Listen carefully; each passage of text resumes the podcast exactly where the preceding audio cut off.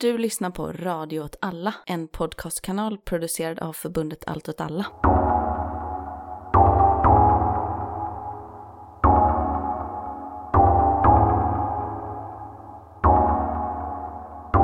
Hej och välkomna tillbaka. Det här är vårt avsnitt. Vi vet inte riktigt vad det kommer heta än. Imperiet. Visst är det trist, tror jag kommer att vara titeln. Eh, Jag tänkte annars att... Eh, ja, jag är med igen Martin, men man, jag tänkte att annars skulle heta kalkonmarxism. Ah, Just det. Kalkonmarxism. Ni kommer från podden Rekreation. Man borde lyssna på förra poddavsnittet om man ska fatta vad vi pratar om här. Vi håller på att eh, beta igenom Michael Hart och Antonio Negri. Är det viktigt vilken ordning man säger namnen? nej, jag, Nej. Tror, jag tror vi kännare säger Hart och Negri. Hart och Negri, ja precis. Eh, bok Imperiet och liksom den uppföljande debatten. Lite om deras teori om geopolitik och hur världsläget har förändrats. Och ganska mycket bashing av antiimperialism. Det är väl ungefär där vi är. Ja, man, man kan säga att vi lever upp till er slogan. Udda perspektiv och krig. Ja, det får man ju verkligen... Ja, det här är väldigt udda för att det finns inte en annan MÖP-podd i Sverige. De, deras avsnitt den här veckan handlar troligtvis om typ Bismarck, Finland under andra världskriget. Hitlers hundar. Ja, eh, någonting om typ stora nordiska krigen. Det är Man, man typ, kan säga att, att deras avsnitt handlar om exakt det som alla böcker på Akademibokhandeln om historia handlar om. eller alla tidningar på Pressbyrån om krig handlar om. Det är alltid bild på Hitler.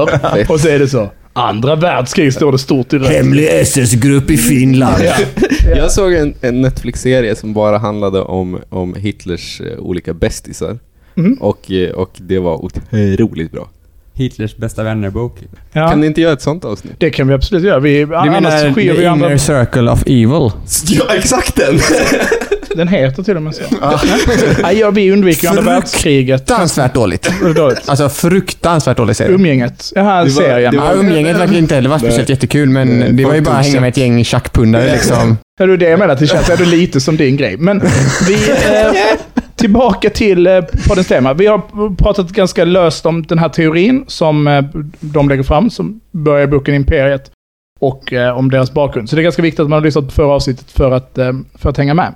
Det kommer ni inte göra i alla fall. Men Nej, jag tror att det går bra oavsett. Nej, man kommer inte hänga med oavsett. Nej, så det är bara att köra på, kör på härifrån. Och mm, det är väl som blir spännande då är ju att du pratar om det här med, både Martin och och Kalle, ni pratar om att 2003 så hände då andra Irakkriget, eller kriget i Irak. Det på något sätt eh, förklaras som en, eh, det här stretande försöket av de konservativa i framförallt i USA, hökarna i USA, att liksom behålla kvar en gammal världsordning på något Ja. sätt. För att det kriget så väldigt lätt går att förstå i någon imperialistisk modell. Ni är här för att ta olja, ni hittar på lite ursäkter, en egen Tonkin-incident och nu är ni här liksom. Mm. Men det, är då, det som händer i Irak är att de misslyckas fatalt ju. För att USA inte längre är kapabla att upprätthålla sin ekonomiska makt i världen. Exakt. Men det här gillar ju ni också. Som gillar krig. Gillar krig. Är intresserade av krigsföring. Det är att de hittar ju mycket av sina argument också kring hur imperiets struktur är utifrån hur kriget förs. Till exempel när man pratar om ett krig idag så pratar, menar de på att det är som ett inbördeskrig inom imperiet snarare än traditionellt krig mellan suveräna stater. För det finns, i Irak-exemplet, så finns det ingen möjlighet för Baath-regimen att sätta sig ner och säga Ja, men ni får det här landområdet här i, i södra delen av Irak och så är alla glada och nöjda så skakar vi hand och går vidare. Utan det är ju, de krigen som förs idag är ju precis som inbördeskrig på det sättet att ett inbördeskrig är ju alltid ett politiskt våld på ett annat sätt. Alltså det är alltid till för att utrota motståndaren egentligen. Man vill liksom ta bort den från världens yta med undantag av amerikanska inbördeskriget, men det kan bli en annan podd. Då är det liksom, och det är därför man kan se det som ett inbördeskrig inom imperiet, de krigen som förs idag. För det handlar inte längre om två suveräna stater som står mot varandra och har en dispyt, utan det handlar om att att den liksom, globala rättsordningen står under hot av en skurkstat, i det här fallet Irak, eller det kan ju också vara till exempel Assad-regimen och så vidare. Men det är ju perfekt då att använda liksom en ideologisk överbyggnad till de här krigen och, och prata om liksom kriget på terrorismen. De här staterna borde inte få finnas för de, de liksom är ett hot mot den globala rättsordningen. Då, man, man pratar väl om Libyen, Mm. Irak och Nordkorea var väl de tre, Ja, Iran. Iran. Att det liksom finns ett gäng länder som inte ska få Med existera. skurkstats, Ja, en skurkstat. liksom. Axis of Evil. Ja, precis. Nej men precis som vi pratade om i förra avsnittet så är det här en övergripande tendens mot, Mm. och så finns det alltid undantag. Ja. för Nagorno-Karabach får man väl ändå säga Ja. är väldigt mycket ett krig som handlar om så här, typ den här lilla landbiten tycker vi tillhör oss, när vi Mm. tycker den tillhör oss liksom. Mm. Men att då det är liksom, det rör sig bort från sådana krig och det Mm. är lite på marginalen liksom. Men också att man tänker på Nagorno-Karabach. Nu blir det som att jag blir anhängare av den här teorin, men det är bara för att jag är så, så liksom eh, lättövertygad. En social varelse. Jag är en social varelse, den här gruppen, majoriteten i gruppen tycker det här. Nej, men, men för att man tänker på Nagorno-Karabach, i kriget mellan Armenien och Azerbajdzjan, så går det ju också att förstå som en, en, liksom en intern konflikt inom imperiet på det sättet att supermakterna kommer inte. Mm. Stormakten, Ryssland kommer inte och är så Azerbajdzjan, om ni, vi har ju för fan en jävla försvarsavtal med Armenien. Mm. Pillar ni på dem så kommer våra TU-22 och släpper kärnvapen på er. Back the fuck up. Vilket hade ju hänt under kalla kriget. Att i konflikten så är det också mer som ett... För det är ju en förhandlings... Det var ju ett förhandlingskrig. Mm. Ett krig genom förhandling. Även om den hade starka liksom, etniska heter det, konternationer. Alltså, Mm. Men det blir inte heller det här som det var under den imperialistiska ordningen, eller under kalla kriget, att nu kommer USA och de tar en sida bara för att sabotera för den andra sidan. Mm. och så. Utan det händer och det är liksom ett krig, men allting business as usual. För det du pratar om Martin, då, liksom det här med de här polisiära aktionerna. För att Mm. Den här typen av krig som förhandlingsmetod, alltså det här krig är politik med andra medel, betyder ju egentligen krig är förhandlingar med andra medel.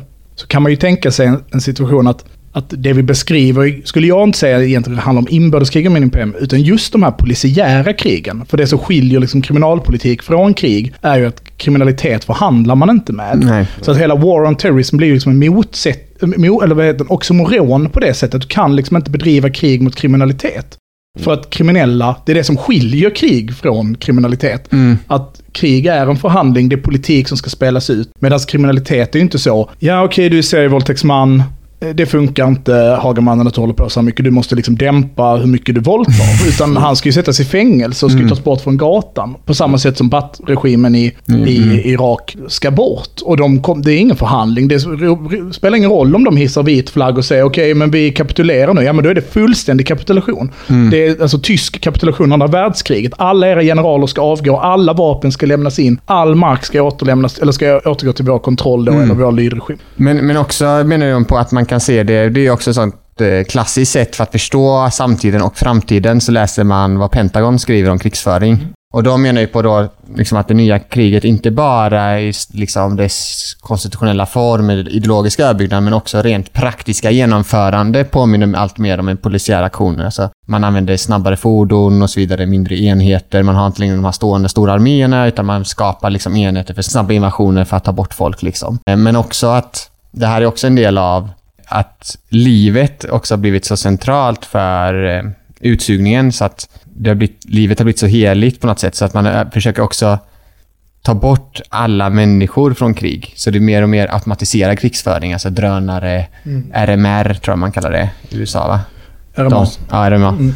Eh, Just att liksom man försöker ta bort liksom själva människan från kriget Mm. med. Så att det är flera sådana tendenser de ser då som de menar pratar för liksom den här nya typen av krig. Jag menar, Inherent Resolve till exempel, som Mm. är alltså USAs operation eh, mot eh, IS då kan man säga. Mm. Jag tror inte USA har tagit en, en strikt militär förlust. Nej. Men Då blir också Belarus-exemplet intressant med just att man använder flyktingar som vapen. För det, det är liksom de enda som förlorar är flyktingarna. Liksom. Det är som om bomberna skulle vara de enda förlorarna i ett bombanfall. Liksom. Det, kan man, det kan man tänka som just en, så, en, en biopolitisk krigsföring. Liksom. Att, man Mm. använder, att, man, att man förflyttar liv över liksom landsgränser och att det i sig utmanar någon typ av makt och att den som kan kontrollera vilka liv som rör sig, korsa gränser, kan utöva makt. Vi behöver förklara det ännu mer. Biopolitik, vad är det för något? du får vila här i ringhörnan så får Martin hoppa in. Biopolitik. Ding, ding, ding! Ja. Jag tar på mig en handduk. Ja, fan. Du, du sviker mig. Nu, men biopolitik är ju ett sätt att beskriva den nya typen av produktion som växer fram där livet i sig är det som är produktivt i samhället. Det vill säga, man producerar ett mänskligt vara liksom. Snarare än en produkt. Så att om man tänker... Kapitalismen har inte längre några möjligheter att hitta nya geografiska rum för utsugning. Så. Mm. Utan man är, man är beroende av att suga ut det som finns. Och det som finns, det är vi. Liksom. Så man kan säga att kapitalismen har kommit till ett stopp att, från att vara en produktiv kraft. Istället har kapitalismen blivit en kraft som inhägnar mänskligt liv för att skapa värde. Det är här typ allmännings... Okej. Mm, ja, ja. allmänningsteorier kommer in. Alltså att eh, vi skapar hela tiden saker som kapitalismen inhägnar och liksom försöker eh, sälja. Och de, och de här sakerna kan vara på nivån, alltså att när man hälsar så ger man ett leende. Det kan inhägnas genom tjänstesektorn. Att så, Mm. tjejen på Starbucks som du är kär i, hon ler Precis. mot dig. Ett bra sånt klassiskt exempel är det vi gör på våra mobiler. Vi är på massa appar där vi umgås, där vi pratar med andra. Värdet i de apparna är att vi är där. Det är vårt sociala liv. Det sociala livet inhägnas ju genom att vi är där. Och på det sättet kan liksom Facebook sälja dyra annonser. Ja, Och eller man gör podd pengar. till exempel Ja. och, och eh, istället för att leka amatörradio så ska man sälja det via en tjänst Mm. som då plockar ut vinst Precis. oavsett om det är Eh, Soundcloud eller Patreon.com snedstreck allt alla Malmö. Ja, ja. Mm. Ja, Eh, och det är samma... Och det är det som är liksom... Och då, därför blir då liv liksom bio det, det centrala. Det är det som... Lite snabbt kan jag säga. Jo, okej. Och, det, och det blir kopplingen till flyktingarna då på något sätt i Belarus. Nu Kalle får du hoppa in här igen. Ding, ding, ding! Bara kör nu.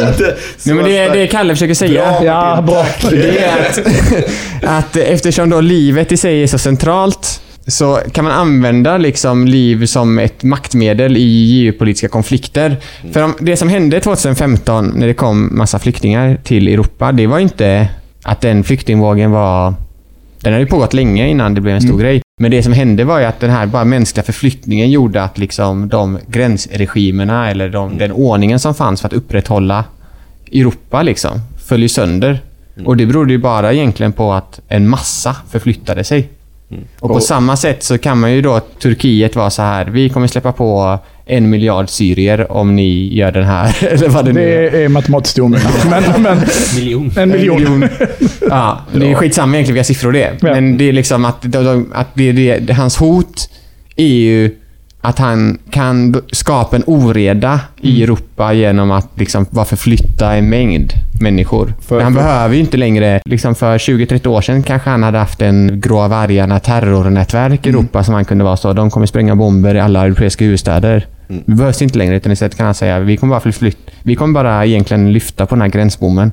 Så kommer han gå över till er och då kommer det gå åt helvete liksom. För det- För ni kommer inte kunna kontrollera den här mängden. Det som är så centralt i den biopolitiska produktionen, är alltså att även om den bygger på liv, så bygger den ju framförallt på en liksom, inhängning av liv. Mm. Alltså att det ska finnas, det ska, alltså imperiet bygger på eh, homogenisering och heterogenisering. Heterogenisering i bemärkelsen att man separerar.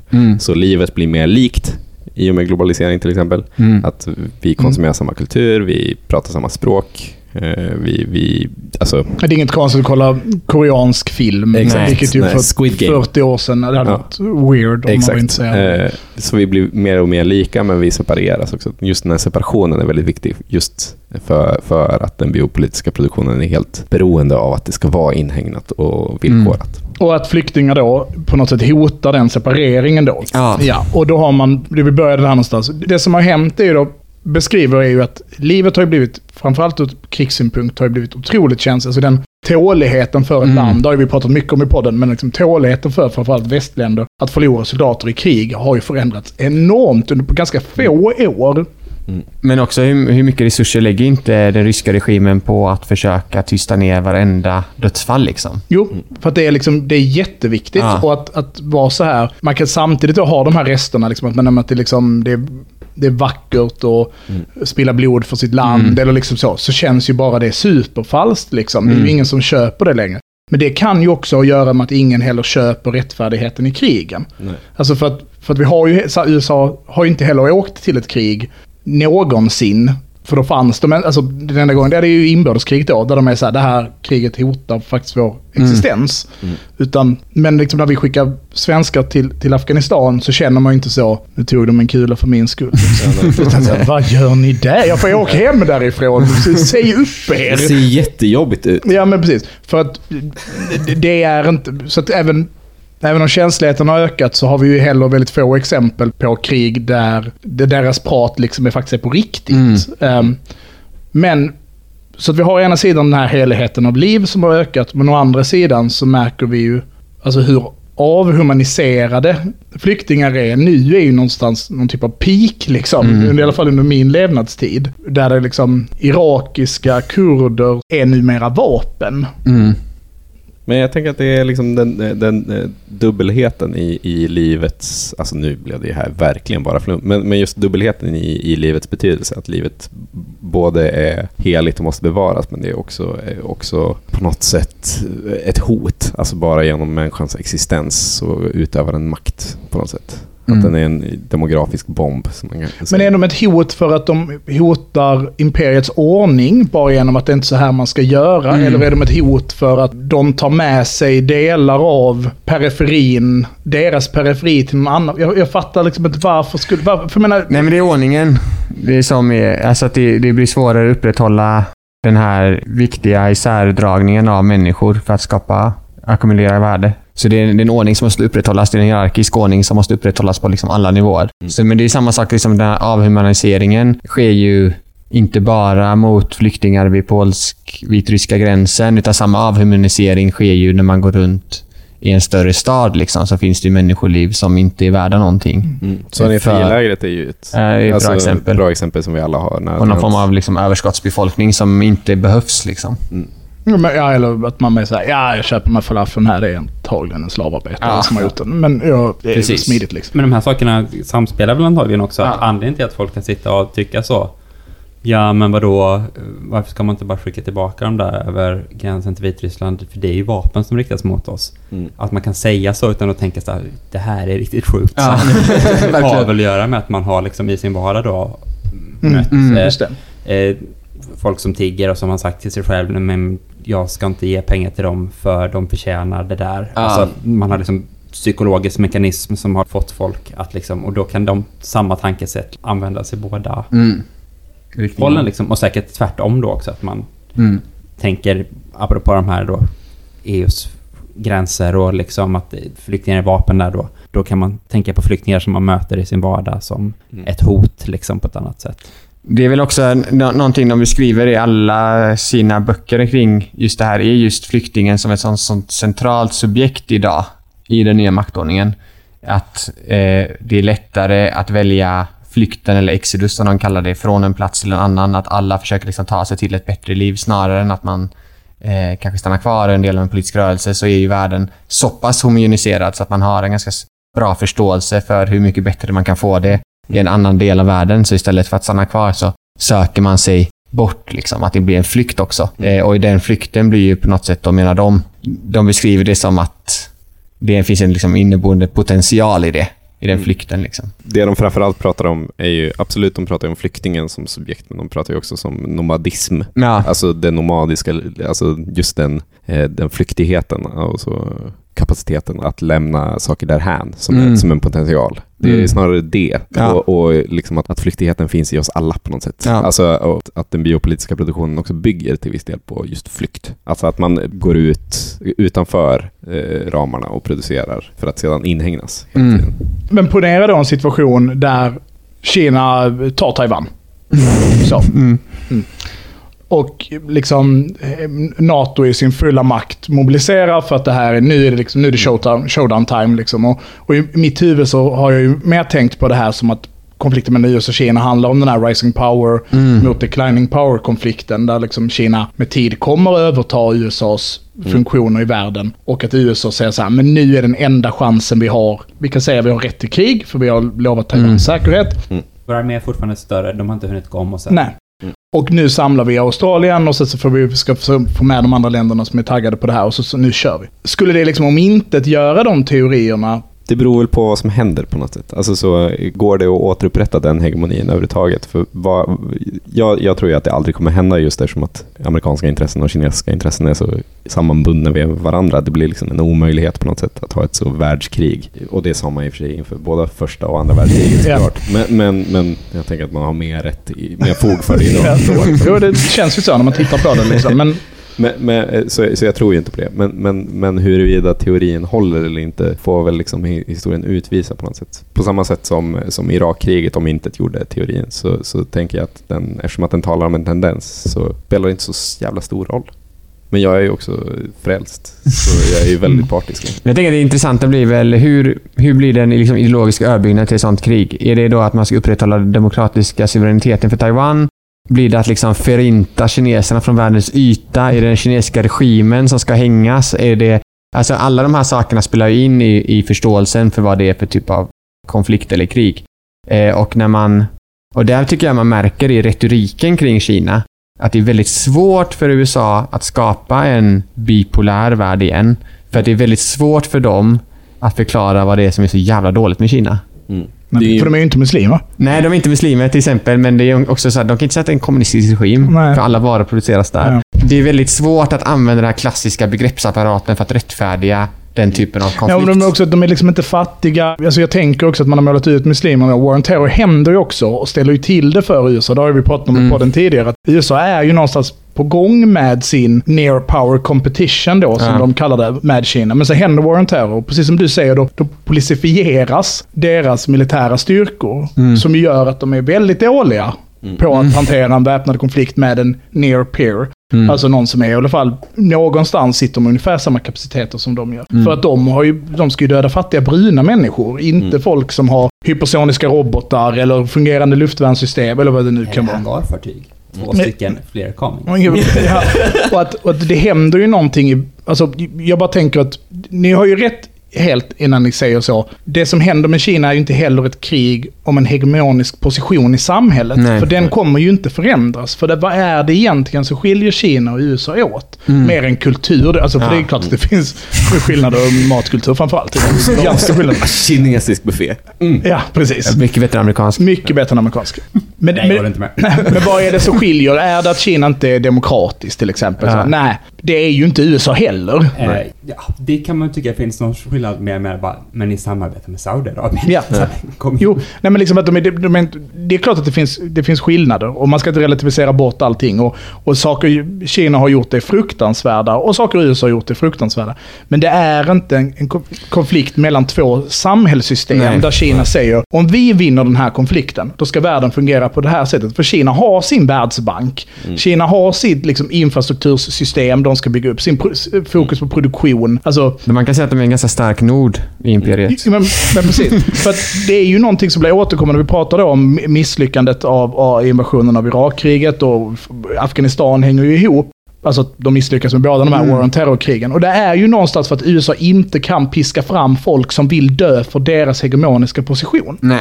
Som är, alltså, och det är så här, varför går det inte att få fram hundratusen unga män som vill dö för typ pumpalatte och schyssta vapenlagar? Mm. Alltså faktiskt jag hade ju kunnat dö för det.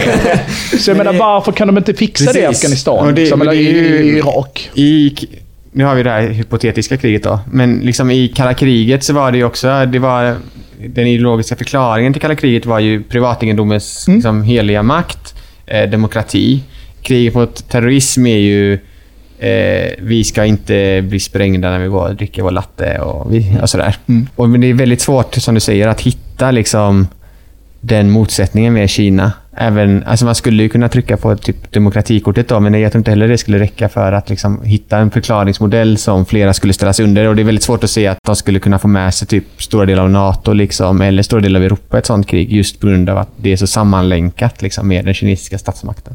Det blir väldigt svårt att förklara också, men varför har vi samarbetat och handlat så jävla mycket fram tills nu liksom? Alltså det är också Mm. så. Men jag tror inte det heller är det viktiga. Man kommer hitta på en anledning till att man inte ska göra det oavsett för att alla kapitalägare i Mm. USA respektive Kina som investerar i det andra landet har så mycket att säga till om mot sin respektive Mm. Jag tycker det regim, är, liksom. det är ganska tydligt i USA att det är en, en så väldigt fringe åsikt att hata Kina.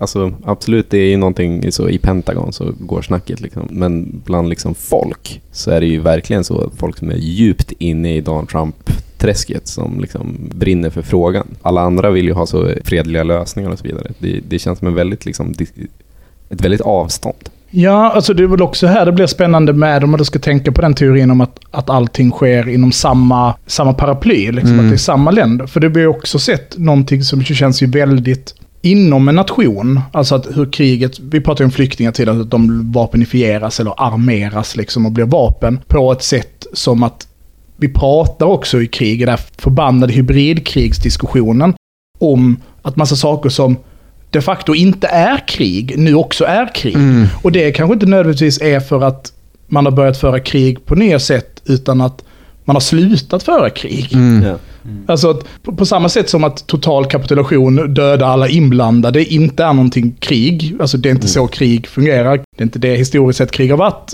Så är det det som vi verkar göra när vi gör krig. Precis som en insatsstyrka som stormar ett hus liksom. Som går in vid en skolskjutning. Ja, men vi har en, den här personen ska oskadliggöras till vilka budsmedel som helst. Det är inte så krig fungerar. Och på samma sätt så säger man så här, Kina håller på med lawfare. Alltså att de använder lagsystemet för att få sin politiska vilja igenom. Det är ju krig. Man bara, nej det är inte, det är inte krig. Och har vi bestämt att det är krig nu? Och det är ju någonting man gör inom en nation eller inom samma organisation. Vi stämmer er, ni har inte följt de här avtalen och så vidare. Eller liksom hybridkrigsföringsdiskussionen, där hybridkrig kan vara vad som helst. Men att man är... Ryssland säger vi vill inte släppa på gas eh, till Europa. Det är som krig. Så, nej, det är, inte, det är inte det som är krig. Jag är ganska säker på att det inte är det som är krig. Liksom. Och det känns ju rimligare i en situation mellan två företag som säger vi säljer den här produkten till er så ni kan göra den här. Vi gör inte det längre om inte ni går med på våra krav i den här förhandlingen. Men det visar väl också på att de här konstitutionella systemen är ganska samblandade idag. Att den här tendensen är ganska stark ändå på något sätt. Att man rör sig liksom mellan olika sfärer och ytor och det, på, det är någon form av ordnat kaos. Liksom. Ja, för att man är så. Kina eh, låter inte de här fraktfartygen med bananer anlända i den här hamnen, vilket kostar ett x antal miljoner att de här bananerna står och ruttnar i hamn. Och det är krig. Alltså det är så man pratar om det. Det här är en krigshandling. Och det känns ju farsartat när man liksom tänker på faktiska krig eller även då kalla kriget. Att så här, vi fick inte lägga an i Novosibir med våra handelsfartyg. till, i- Ryssland vill kriga, eller Sovjetunionen vill kriga med oss. Det är väl inte så konstigt att ni inte får lägga... Alltså att, Ja. så visst, man, man kan ju se den förändringsprocessen av liksom det sammanlänkande. Ja, men man kan ju säga att det som hot... Det som de... För det var vi inne på förra avsnittet ju liksom. Det är väl också en bra kritik mot de här böckerna. Det är så här, okej, men makten har inget centrum längre. Det finns liksom inget vinterpalats längre att storma. Det finns inget Washington att bomba liksom. Vad fan gör vi nu? Och då är de ju väldigt inspirerade av de här som vi bara namedroppade i förra avsnittet, men eh, Guattari och Deleuze som liksom skrev mycket just om eh, sen kapitalism kan man säga. Och de trycker mycket på just det här nomadiska som Kalle var inne på också. Den här flykten liksom. Eftersom kapitalismen är hela tiden beroende av att skapa nya värden genom att inhägna människor så blir ju också flykten då en motståndshandling. Och flykt blir ju också en, eh, skyddande av till exempel naturresurser, eh, skyddade av eh, det man kan kalla artificiella allmänningar, alltså den, den kunskapen vi producerar utanför kapitalismen eller att liksom vi försvarar eh, den här sjön mot rovdrift, vad det nu kan vara. Allt det här är liksom exempel på exodus, saker som liksom försöker nå utanför den här imperiella ordningen. Ja, alltså att kampen står liksom mer i att inte inhägnas Ja. och, och, och, och att inte saker inte ska få bli inhägnade. Ja. Och vilket då ska liksom vara någon brända jordens taktik mot kapitalism? Eller vad Ja, ska det blir det... lite så. För då blir det ju att då, eh, om man köper det här resonemanget. Man driver in dem i en kris då på något Ja, sätt. liksom. exakt. Ja. Eftersom liksom, kapitalismen är beroende av inhägnandet. Om man förhindrar inhägnandet så faller ju då Det finns ju en otrolig passage i Commonwealth. eh, den tredje boken. tredje boken som, som just eh, hanterar just flykt och exodus eh, och påtalar då att en, en flykt eh, är sällan någonting som sker helt konfliktfritt. Jag tror de riktar passagen till “To our readers with a taste for combat”. Feta böcker det här alltså. Eh, och som, som Moses eh, fick se under sin exodus, att, att man längs med vägen så måste man också eh, kämpa en massa. Man tillåts inte bara fly. Man tar sig inte bara bort från det, utan man möter Exakt. det liksom. på Ja. Man, mm. Och det är de mycket inne på just att det är ju, eftersom vi är i den här podden också, så tycker jag man ska hålla sig till eh, Ja, ja, jag militära- Ja, ja, visst, visst, Men de, de är mycket inne på det just att fienden har ju idag högteknologisk teknik liksom för att bekämpa människor. Man, USA kan skicka drönare över hela världen för att bomba bröllop liksom. Mm. Och det medför ju också att motståndet måste ta sig former som är omöjliga att knäcka militärt. Så det är väl det som är liksom deras, blir på något sätt stridsfrågan i de tidiga böckerna i alla fall. Hur fan hanterar vi det här då? Mm, just det. För även om vi pratar om imperiell ordning som inte är en imperialistisk ordning så innebär ju inte det att den militära makten är borta. Den finns ju kvar. Alltså de menar ju inte på att världen har blivit en fredlig samexistens Nej, nej, där alla nej, nej. håller i handen. Utan Ja. tvärtom. Det är där liksom ett högteknologiskt kaos på något sätt. Liksom. För, för när den militära ordningen snarare tar sig polisiära uttryck så Mm. är den ju också riktad mot befolkningen. Ja, Ja. mot människor, mot Precis. individer. Och är fruktansvärt mycket mer brutal. Ja. För att det är mycket, och det, och det är verkligen en sån... Det känns ju som hela den här debatten om polisen ska bli militariserad. Liksom, att så här, polisen är ett mycket mer brutalt instrument Mm. än, vad, än vad kriget är. På många sätt. Alltså att, bara sån enkel sak som att vissa liksom, ammunitionstyper är olagliga i krig, men självklart accepterade i, i polisiära sammanhang. talar ju sitt tydliga språk för att polisiära handlingar är tänkt att rikta mot människor som bryter mot konventionerna vi har bestämt, medan kriget är en konvention vi har bestämt som acceptabel. Och det är väl samma sak med tårgas. Ja, det ja, får visst. man inte använda för det är en stridsgas, men man får använda det Mot sin befolkning. det på fotbollssupportrar.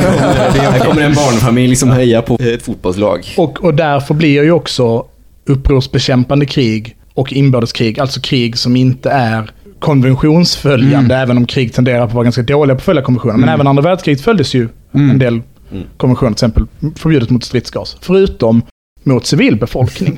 Alltså, vilket ju blir, blir väldigt talande på det sättet. Eller att överhuvudtaget tänka att man ska mörda indi- specifika individer som en militär handling. Alltså det är klart att man vill slå ut en general, det är ju jättestort, det slår sönder en orderstruktur. Men att vara så här, vi ska döda den här killen. Så, gör, så är ju liksom upprorsbekämpningsmodellen idag. Vi ska mörda, den här personen är internationellt efterlyst för att mörda honom. Alltså tror ni att liksom, tyskan delar ut så bilder på Tjukov liksom, under andra världskriget? Var så, knäpp den här killen, då får ni en miljon dollar eller vad det kan vara. Liksom. Också att lönnmord och inte krig om platser eller funktion. Alltså, Att det är en, ett accepterat sätt att föra krig på. Mm. Jo, men som du är inne på, man, nu levde inte jag under kalla krigets heydays, liksom, men man kan verkligen tänka sig att det har varit svårt, även om man hade den teknologiska kapaciteten, att utomrättsligt mörda så många som man gör idag.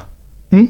Det hade varit svårt. För att det hade, bit, det hade slagit Ja, tillbaka. Det, går att göra, det gick att göra liksom som i den chilenska militärjuntan. Liksom så här, för då var det någon annan. Det var liksom någon skurkstat liksom, som gjorde det här, som var våra vänner. Och Det var ju bra att de gjorde det, tyckte man då i USA. Men det var ändå en annan plats. Men det är väldigt svårt att tänka sig att USA hade kunnat skicka en drönare och skjuta vem som helst i världen egentligen. Som man kan göra idag. Och kom undan med det så enkelt. Det och då hela nidbilden av Sovjetunionen bygger ju på det. De begick lönnmord, Ja. KGB begick lönnmord över hela världen. Jag menar, det är ju så. Det är modus operandi. Ja, liksom. precis. Och, och, Och det är så en bra grej där, att det är viktigt att tänka då om att kriget blir mer polisiärt, så är det en polisiär uppgift att eh, nedgöra eh, hotbilden. mm, Och att nedgöra hotbilden handlar ju ofta om man är polis, att skjuta någon i magen som har en kniv med Mm. en, en kula som dödar människor liksom. För att den typ fräter sönder. nej, den blir som ett vecklar ut sig. Ja, vecklar ut sig så. Jag använde det på Hannes Westberg där Ja. eh, 2001. Men i alla fall, eh, då att det blir liksom eh, resultatet, så det polisiära kriget blir mycket, mycket mer ute efter att döda livet liksom. Ja, för krig i grund och botten handlar ju... i- Alltså det är klart, man kan inte separera döden från kriget. Nej. Men en central faktor i krig är att inte behöva slåss. Alltså att man vill uppnå sina politiska medel med hjälp av hot om Ja. våld, Mm. men, utan, men utan våldet i sig. Och det är väl därför vi också ser en mycket svårare i, det mänsk, alltså i vårt liv att separera kriget från det polisiära. Alltså det ropet om att mer militariserad polis till exempel känns ju jättekopplat till att men det är ju så här vi gör vid polska gränsen. Varför Mm, gör vi inte det exakt. vid svenska gränsen? Varför, varför, Mm. alltså, Och också att de eh, sfärerna också går in i varandra mer och mer om man är inne på den här 20 years on. Till exempel om man tittar på kriget mot narkotika liksom. Mm, så är ju det också ett förlorat krig. Det är också ett förlorat krig, men det är ett polisiärt krig. Men man, eh, det är ju ett krig liksom. Man, man behandlar det i Sydamerika som ett krig. I Colombia framförallt, men också i Peru och Bolivia. Där man liksom nedkämpar de här kåkabönderna. Man nedkämpar kartellerna. Liksom. Det är inte, man är inte ute efter att eh, ställa dem inför rätta och döma dem till långa fängelsestraff. Utan man verkligen liksom bekämpar dem. Och man bekämpar dem ju på sätt antingen genom biologisk krigsföring, alltså genom att förstöra odlingar, eller genom att döda människor. Liksom. Så det är också en sammanvävning av det polisiära och kriget på något sätt. Jo, att de rör sig åt båda hållen. Ja. Ja, precis. Och att Ja. Det ska jag vara tydlig med att det är självklart att det också sker de facto militarisering av Ja. polisen. Men det upplever jag framför allt är en fråga om verktyg. Ja. Och inte så mycket en fråga om förhållningssättet. Nej, nej, liksom. nej, precis. För att jag skulle ju säga att War on Drugs då är en polisiär aktion med militära medel. Eller Precis. med militära verktyg. Mm. Alltså att man använder flygplan, man använder helikoptrar, man Ja. använder attackhelikoptrar. Men kriget är ju inte dynamiken av att man ska ta en höjd och Nej, sen så ska man tvinga kockabönderna att flytta på sig för att sen kunna göra sluta ett avtal. Alltså, Nej. El Chapo sätter sig vid bordet och jag säljer bara lite kokain. Ja men precis. Eller så här mycket skatt måste ni betala Ja. när ni gör det. För då hade det ju varit lite krigsrikt. Ja. Och, och det vill väl ingen? Alltså det är ju Nej. ingen som vill när vi säger så. Ge polis, vi, vi borde skicka in armén. Vi, jävla, det är liksom något av det dummaste jag vet. När folk pratar så här, så här 18-åriga killar som ska stå där och vet inte vad jag gör här. Och så köper gräs på vägen hem. Eh, Alltså, alltså sätta in armén i Rosengård. Ja, men liksom Ja. den typen av så här. Vad, vad är det de... Och, för, det, och det är ju väl kanske för att de inte bara kan säga vi vill att, vi ska, att de ska skjuta dem. Nej.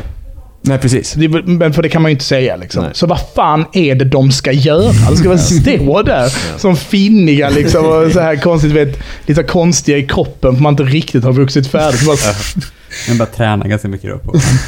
ja, precis, man, är, man är bra i bänk. Liksom. Jävligt bra lats. Ja. Och så där, där blir det ju också tydligt ja, att de, det går inte att separera riktigt längre och, att människor också har svårt att separera det i sina... Mm. Och det är också som jag var inne liksom. på i förra avsnittet, de här hierarkiska uppdelningarna av, liksom där man har avhumaniserar grupper av människor. Att det är, eh, om vi talar just om militariseringen av det polisiära arbetet i Sverige, vilket det är, det här no-go-zoner, Mm, mm. militären i förorter och så vidare. Det har ju också med att världen liksom flyter samman, att periferi och centrum flyter ihop. Så, så det medför att stora delar av liksom, att vi avhumaniserar våra grannar i våra städer för att vi har samma blick som man hade på liksom, Samma- södra ha- Just det, jordklotet. just det. Mm. Samma gränser som finns i världen finns även nära oss. liksom. Ja, precis. Och de gränserna som finns här finns ju också där. Som typ om man kollar på så här stora metropoler i, i Sydamerika eller Afrika så är det samma liksom indelningar där, hierarkiska. Ja, och jag, jag tror nu, mm, verkligen ett sidospår, men jag, jag tror att man också, alltså det finns ju en direkt koppling mellan mängden skjutningar i Sverige är ju kopplat till både att handeldvapensmarknaden som har kommit in i Sverige möter svenska inkomster. Ja, alltså vilket är en på tal om det vi Ja. pratade om innan vi började spela in. Alltså till att du ska också ha råd du ska också ha råd att bara köpa en AK, använda den och sen slänga den. Ja, men då måste du ju någonstans också ha pengarna. Alltså, ni? För att någon jävla 15-åring ska ha råd att köpa en Ja. pistol. Så måste det också finnas ett genomsnittlig inkomst i samhället som möjliggör det. Ja. Och att då såklart eh, transportflöden och så möjliggör det. Alltså det råder det ju ingen tvekan om. Liksom. Det var en polis som faktiskt klagade på, en svensk polis som klagade på det, att även drogindustrin, precis som den globala produktionen, har en just in time Mm. Så att det finns inte längre, liksom, man kan inte göra de här stora bastsen längre, för det finns inga stora lager. För man köper in det som man kan sälja. Precis som ICA eller vilket som helst liksom, företag. Och vi- det medför ju också problem för den polisiära makten som är van att bekämpa gäng, som har fasta territorium, stora lager, Mm. är fasta strukturer, vissa personer. Det, det faller ju sönder liksom. Ja, och gigifieringen om man ska knyta an till rekreations förra avsnitt. Ja. Alltså gigifieringen av att vara kriminell. Ja. Att innan var det så här. For life, du skaffar någon jävla väst, ansiktstatuering liksom där du är en procentare på västen. Eller för den då liksom i- idén om maffian, Mm. liksom, om du ska sväras in, det är en Ja. stor grej. Eller liksom bloods for life, eller vad fan det nu kan vara. Mm. Men nu är det bara så att du är en individ, du jobbar här tills du hugger dina gamla barndomsvänner i ryggen för 20 lax. Och så, alltså, Mm. så, Och så, grupperingarna är liksom Flytande. utbytbara. Ja, de är flytande. De är, de är inte fasta de heller. Vilket ju stämmer väldigt väl Ja. överens med hur resten av Mm. samhället är. Men nu behöver behöver vi inte fastna i vad en kriminal, kriminalpolitisk. Jag tänker att vi faktiskt börjar kunna närma oss ut. Har du något du vill kasta in här? Fackla. Du, värdeproduktionen, är den... nu kommer det. alltså- nu kommer det. Är ni, är ni redo? Är ni Ni har redo? sagt mycket intressant, men har ni några siffror på det här? Nej, det var skämt. Nej, men jag tänker ändå lite, och vi sa att vi skulle fokusera på kriget, och det har vi gjort eller så. Men ändå när vi sa det här typ, vad ska det här tjäna till den här normaliseringen? Så, ja, men det kan driva fram en kris för kapitalismen och så. Vad, finns det liksom någon sorts positiv vision i vad man bygger upp liksom? Mm. Och är det bara allmänningar?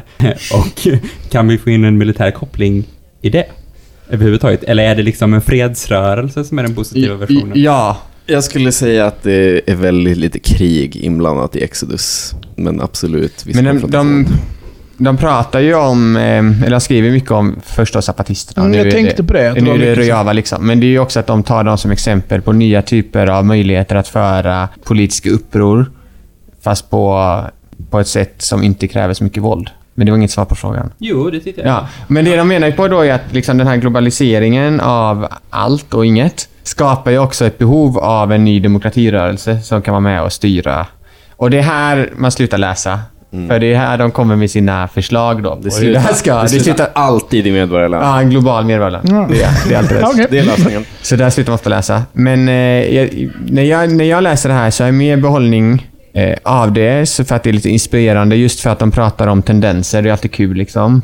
Eh, och det medför ju också att det är lätt att kritisera, för det för det är ju, de vågar liksom sticka ut halsen på något sätt. Och det är väl det som är behållningen. Men jag tror att om man söker efter en guide till motstånd så kan man nog hitta spår av det. Men det de gör är väl att de kan liksom inte sitta på den lösningen så. Nej. Utan det är mer att de kan bara vara ett bollplank liksom. Bara, bara som exempel så tycker jag att det är väldigt roligt att Antonio Negri till exempel, han har, alltså av olika saker han har gått ut och sagt att han stöttar, så är det liksom, det, är- det är liksom PKK och sen är det Barcelona NKM som bara är borgmästarna i Barcelona. liksom. Så det är liksom, det, det, det, är ingen, det är inget paket, ingen Nej. paketlösning. Liksom. Tyvärr. Nej, och, och ja, sista kommentar då kanske innan vi måste avrunda, så tänker jag också att, att den här Revolution in Military Affairs som vi nämnde innan med Kuwait och Irakkriget, den här liksom extrema teknologiska övertaget, som ju var rätt jämnt där i en period, även om det är lite en myt, men det var liksom i 50, 60, 70-tal så fanns det perioder där liksom en, en grupp insurgenter kunde utmana ganska starkt, mycket på grund av Sovjetunionens existens. Men så är det ju också att hela den idén om hållande av territoriet till exempel, som en upprorsgrupp eller statsgerilla eller vad det nu kan vara. Det går liksom inte när när liksom de teknologiska innovationerna är på den nivån och den liksom eldkraften och den samtidiga fruktansvärda hänsynslösheten som världen kan, liksom, eller imperiet då, kan tillåta ske. För att det finns, det finns liksom inte längre en kostnad på Nej. samma sätt som det hela tiden fanns innan med hotet med, om Sovjet. Det visar väl också den nya typen av terrorism. Alltså att, om man pratar om 70 80-talet när folk gjorde terrordåd så gjorde man ju det med förhoppning att komma undan ofta. Med några undantag liksom. Men idag så vet man om att om jag, om jag ska agera mot imperiet så kommer jag dö. Ja, och att dina offer var, eller liksom kostnaden för fienden var ekonomisk eller mord, Ja. men då symboliska mord. Alltså personer som Medan på något här är sätt... liksom är det- livet så centralt Ja. i motståndet och i i produktionen så att då blir liksom, om jag ska agera militärt mot den här makten så måste jag dö. Och för att det ska vara värt det Ja, så, så måste jag också döda många, liksom. många ska också. Ja. Och det spelar ingen roll vilka de är, bara Nej. det är liv. Liksom. Ja. Och med de orden. Ja. Eh, tack så jättemycket för att ni har lyssnat. Supertrevligt, jättekul att ha er här, Kalle och Martin. ja, det var jättekul att vara med. Vi Ja. borde snacka om Bifo någon gång. Ja, alltså, kanske om ett år så borde vi snacka om Bifo, boken Heroes. Som handlar om skolskjutningar och sådär. skolskjutningar och Isis och grejer. Mm, jättegärna. Man kan följa mig på Twitter, där heter jag Trojkan3037. Jag heter Slukhål. Och vi har Martin Katten och Kalle Producent, Producent Kalle. producent Kalle Fan, som eh, eh, driver podden eh, Rekreation, Ja. som finns på Radio åt alla. Precis, vi håller på med vårt andra avsnitt. Eh, Det är mest tänkt att vi ska hylla städer.